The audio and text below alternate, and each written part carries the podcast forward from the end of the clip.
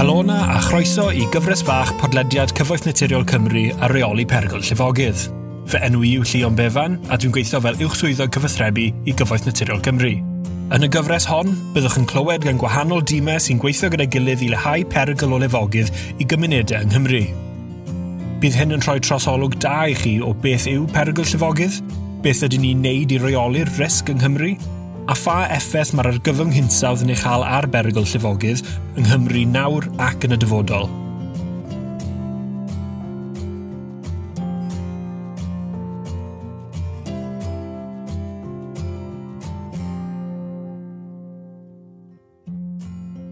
Helo a chroeso i benod chwech o'r gyfres fach ar rheoli perygl llifogydd gan Cyfoeth Naturiol Cymru. Heddi mae Tim Owen yn ymuno gyda fi sy'n benneth y tîm hydrometreg a thalametreg yng Ngogledd Cymru. Uh, croeso Tim, a diolch yn fawr am ymuno gyda ni. Oh. Uh, i, I ddechrau da, lecyn ni ofyn ychydig am dy gefndir di. So, tyma, sut ddes ti mewn i'r uh, y math hyn o waith i gyfaith naturiol Cymru? Uh, Wel, mae o'n hanes ddigon hir i fod yn onast. Um, Gychwynnais i uh, yng ngyrfa gwaith yn gweithio efo Awdurdod Dŵr Cymru yn 1982, fi'n amser yn ôl, ac uh, ers hynny uh, dwi wedi gweithio yn y cyrff eraill sydd wedi dilyn um, uh, sef uh, Awdurdod Afonydd Cenedlaethol, um, Asiantedd yr amgylchedd, Asiantedd yr amgylchedd Cymru, ac i fyny rwan wedyn ers 2013 uh, Cyfoeth Naturiol Cymru.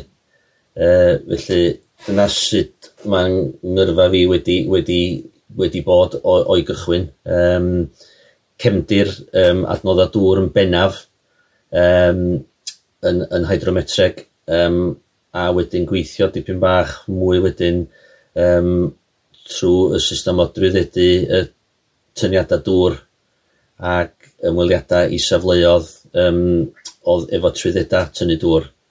Um, ar ôl hynny, symud ymlaen wedyn i fod yn swyddog ar drwyddedu a uh, er trwyddedau tynnu dŵr um, cyn i dîm reguleirio adnoddau dŵr cael ei ffurfio a mi fi gefis i yn swydd cyntaf fel arweinydd tîm yn y tîm hwnnw.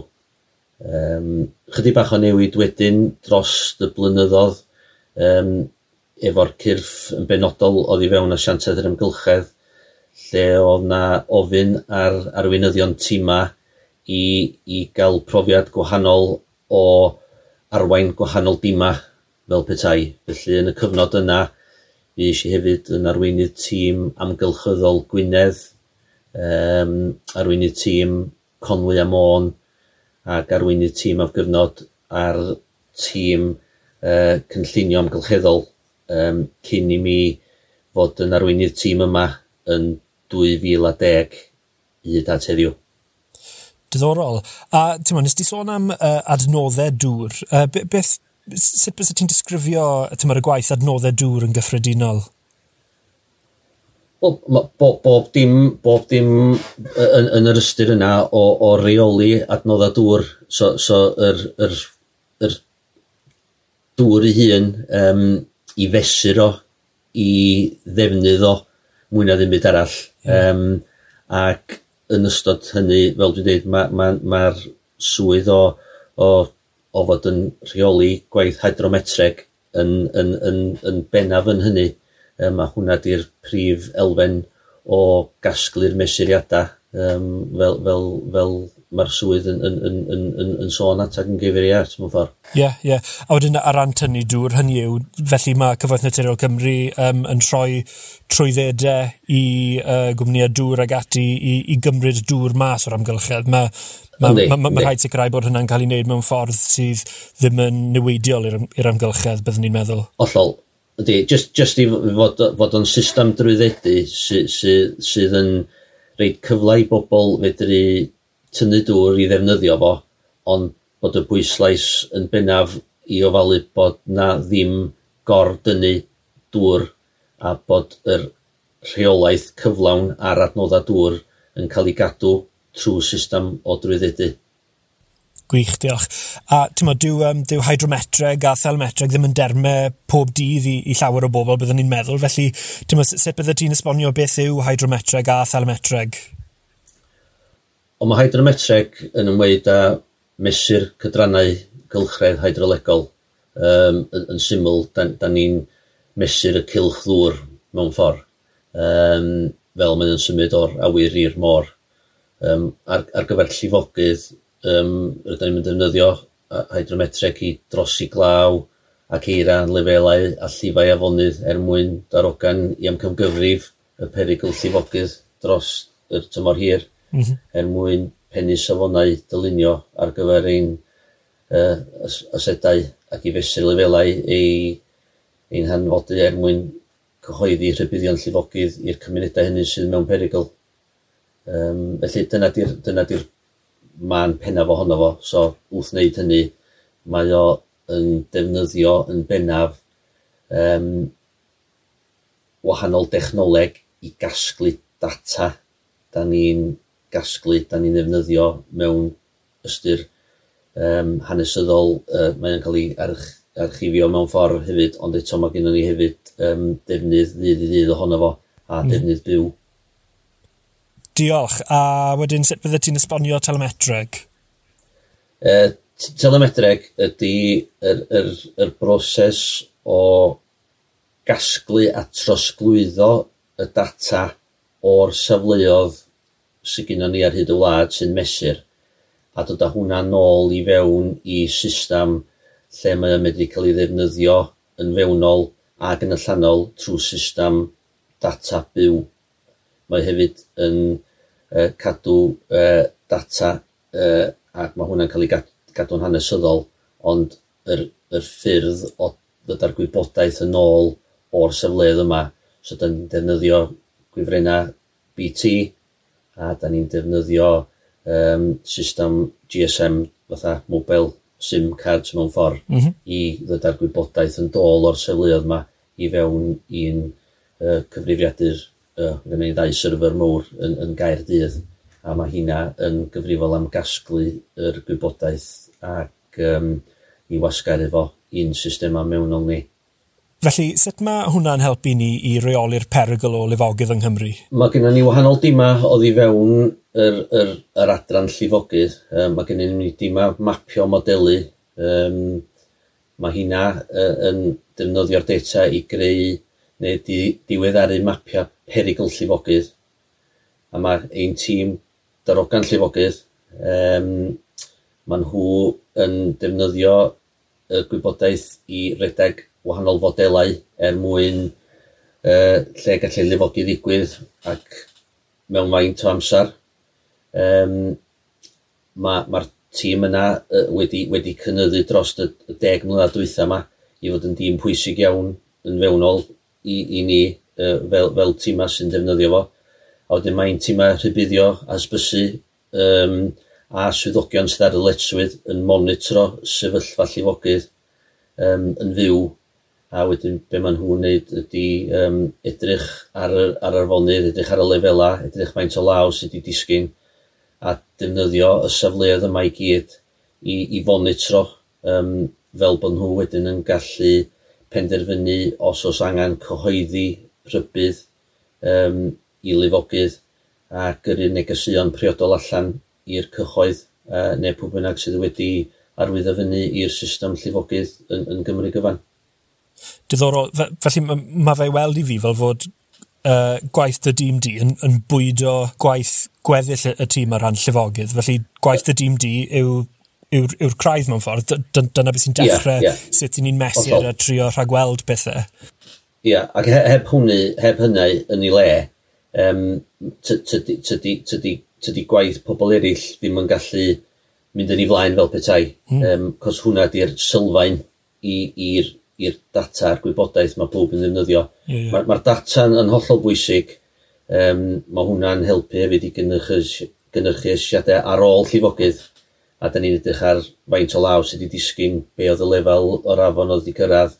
A wedyn mae yna archwilio mewn i, i bethau i weld os ydym ni wella, be da ni wedi gyfleu fel, fel gwasanaeth. Ac yn defnyddio'r data hwnna i helpu wella'i modelau a i fwydo mewn yn, yn, yn, yn, well, yn, yn, yn grym i'r broses mewn ffordd. Mm -hmm. um, mae ma yna hefyd um, yn, yn, yn, yn, yn hyn, mae'r ma data yma hefyd yn cael ei ddefnyddio yn yr un ffordd lle mae'n cael ei ddefnyddio i, i, i'r uh, ochr, ochr y tîm allifogydd um, i, i dim adnodda dŵr hefyd. So mewn ffordd, yr ochr arall o'r spectrwm i ni ydy da ni yn hefyd yn delio mewn y cyfnodau a degau o sychder hefyd, mm -hmm. um, i, i wneud siŵr bod yna ddigon o ddŵr yn ei fonydd i, i, i gynnal un pysgodfeidd a unrhyw fwyd gwyllt arall. Um, a mae hwnna'n yn, yn, yn, un ochr i'r yr ochr arall i'r llifogydd mewn ffordd. Ond, ond yn gyflawn, mae'r ma un un adnoddau dŵr a'r llifogydd yn defnyddio'r un un safleoedd a'r un un gwybodaeth. Ydyn, ie, yeah, diddorol. Um, a sut mae newid yn yr hinsawdd yn effeithio ar um, gwaith dy dîm? Ydy, tyma, ydy hwnna'n, os rhaid newid, sut ych chi'n gweithio oherwydd hynny? Wel, mae ma, ma newid hinsawdd yn, yn, yn, yn amlwg yn, yn, yn, yn, yn ein plith ni, fel, fel mae pethau. Um, a, a da ni'n gweld enghreifftiau yn barod o um, fwy law um, dros y blynyddoedd dwytha yma, um, lefela fonydd yn mynd i lefela tydyn nhw erioed wedi cyrraedd gynt. Um, a mae hwnna yn dwad efo rhesymau. Um, felly i ni, um, da ni'n gweld mwy o ddigwyddiadau glaw eithafol yn digwydd yn fwy aml. Um, ond mae hwnna yn, yn, yn, yn, yn, ddim, ddim gystal wel, yn Gymru, ond, ond, ond, ond ar hyd y byd yn gyffredinol mewn ffordd. Felly mae newid hinsawdd yn cael effaith a mae o'n gwneud yn gwasanaeth ni yn hydrometric a telemetric yn, yn bwysicach byth yn ymarni. Ydy, ydy, wrth gwrs. Ond ti'n hefyd, mae ma fe'n bwysig nid yn unig fod y data na, a wrth gwrs mae fe'n cael ei gasglu yn barhaol, ti'n modd, uh, pob awr o'r dydd. Ond hefyd, mae ma, ma rhaid fod yn bwysig iawn fod y system yn, yn wydyn a fod, fod ni'n gallu dibynnu arno fe. Felly, tymo, os, os tipyn o waith yn mynd mewn i sicrhau bod, tymo, wrth gwrs bod y systemau yma yn gweithio, ond bod nhw'n parhau i weithio hefyd a bod nhw'n digon diogel mewn ffordd i barhau i weithio. Ne da, da, da ni'n barhaol yn, yn, yn, yn gorfod cynnal a chadw um, y safleoedd i'r pwrpas da ni'n neud. Da ni'n trio edrych ar unrhyw dechnoleg sydd yn mynd i wella y gwasanaeth. Um, Mae'r drefn ar oes ar amser yn newid. Da ni'n trio gofalu bod gyda ni fwy na un elfen o fesur yn bob safla hynny os dydwch fel enghraifft bod gennych chi uh, wifren BT yn, yn gostwng yna yn lle safo mond hynny yn, yn, yn cael y gwybodaeth o'r safla yna sa'ch chi'n colli'r safle yn gyfan gwbl um, mm -hmm. ac efallai bod hwnna'n safla bwysig felly da ni'n edrych ar gwahanol uh, fath o declynau a gwahanol fath o um, offer mewn ffordd i ofalu bod gennym ni ddigon yna i, i, i fedru rei gwasanaeth mwy cyflawn. Um, ond da ni, da ni bob tro yn, yn gorfod edrych ar hynny um, ac ar ôl bob digwyddiad um, gofalu bod bob dim dal yn, yn ei le ac yn gweithio'n iawn ac mae hwnna'n rhan o'n gwaith dyddiol ni mewn ffordd. Mm, a byddwn ni'n meddwl dyna'r fath o waith sydd yn uh, mynd heb i weld uh, yn, yn, yn, ddigon aml. Ond uh, byddwn ni'n meddwl fod um, tymo, gyda sut mae technoleg wedi newid, mae ma, ma rhai fod pethau wedi newid cryn dipyn ers i ddechrau yn y maes yma. Yndi tad, ynddi tad, mae wedi newid yn, yn sylweddol. Um, dwi'n meddwl bod, bod yr ochr telemetreg, um, mae ma hwnna'n rhywbeth sydd, sydd wedi datblygu yn, yn, yn eang dros y, y blynyddoedd, um, ond yn hanesyddol, oedd, oedd na lot o mwyafrif o'r gwybodaeth yma, oedd o'n waith oedd yn cael ei wneud ar siartiau papur yn mm -hmm. y mhm. safleoedd, oedd hynny oedd o'n cael ei newid, oedd o'n cael ei, cael ei ailgosod, ac felly oedd hi, ond, ond mae'r ma ma bwyslais ar, ar ffordd mae'r rwydwaith wedi cael ei fonitro yn, yn, yn, yn, yn reit debyg mewn ffordd um, rhan, rhan hynny, jyst y technoleg sy'n mynd o'i hwmpas o sydd wedi newid um, ac wedi cael ei ddasu dros y blynyddoedd. Ydy, ie, yeah. a ti'n un, un peth, falle bydd y pobl ddim yn gwybod am, ond ti'n mae pobl yn gallu mynd ar ein gwefan ni nawr, na, na gynnu, ac unrhyw bryd i weld, ti'n y, yr afon sy'n lleol i nhw, falle, os yw'n brif afon, ti'n bod, beth yw'r beth yw'r lefel yn ddefer hyn o bryd, a'r, ti'n bod, dywaith di a gwaith dy dyn di sydd yn, sydd yn cynnal hwnna yn, yn, yn y gogledd. Yeah. Ia, a mae, a, a hwnna'n yn wasanaeth sydd wedi, wedi, uh, wedi, wedi cael ei roed mewn lle i, i hwyluso pobl um, i, i fedru gweld dros eu hunan mewn ffordd. Um, ond eto, tydi'r system yna um, ddim yn mynd i weithio os di safleoedd ni ddim yn mynd i weithio. Mm -hmm. Felly mae hwnna yn, eto yn, yn, yn elfen arall o, o'r pwysigrwydd y gwasanaeth sydd, sydd o dan sylw yma. Yeah. Um, a ti'n be, un cwestiwn uh, cyn i ni orffen, um, ni'n uh, ni hoff iawn o gofyn, be, beth, yw, beth yw'r hoff beth am y swydd a beth sy'n dy gadw di'n yn y rôl yma? I, i, i fi bersonol, um, dwi'n dwi, dwi mwynhau y gwaith ydy'n ni yn neud um, a dwi'n mwynhau bwysigrwydd o. Um, dwi'n mwynhau y ffaith bod ni mewn ardal um, mor arbennig mewn ffordd fel, fel, fel Gogledd Cymru, ond on Cymru gyfan. Um, mae, mae o'n braf gweithio efo'r pobl um, sydd yn yr un un maes.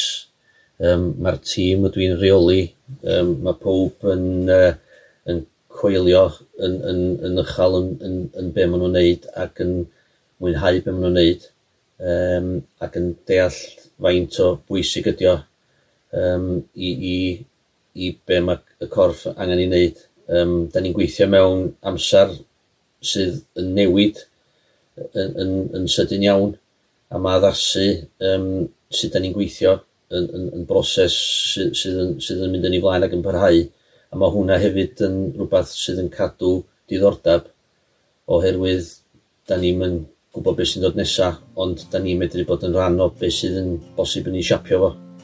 Um, felly dyna di'r uh, dyna di'r beth sy'n cadw fi fynd mewn ffordd ac yn cadw fi yn y gwaith a fel dwi'n deud um, mae'n waith diddorol a da ni'n cael gweld y wlad fel mae o ac mor brydferth ag ydi o. Ydy, ydy, ti'n iawn. A, uh, diolch yn fawr am siarad gyda fi heddi, Tim. Uh, mae'n amlwg yn waith uh, diddorol iawn, ond hefyd yn hynod o bwysig a sut mae fe'n bwydo mewn i mwy neu lai yr holl waith arall i ni wneud ar ran llifogydd uh, yma yng Nghymru, felly diolch am siarad gyda fi. Croeso tad. Dwi'n gobeithio eich bod wedi mwynhau'r benod hon. Os oes gennych unrhyw sylwadau neu gwestiynau, gallwch gysylltu â ni ar Facebook, Twitter neu Instagram, neu drwy'r cyfeiriad e-bost sydd yn nodiadau'r sioe yma. Fe welwch hefyd ddolenni un tudalennau gwe a reoli pergyl llifogydd, lle gallwch weld rhai o'r pethau dyn ni wedi sôn am yma heddi. Diolch am rando.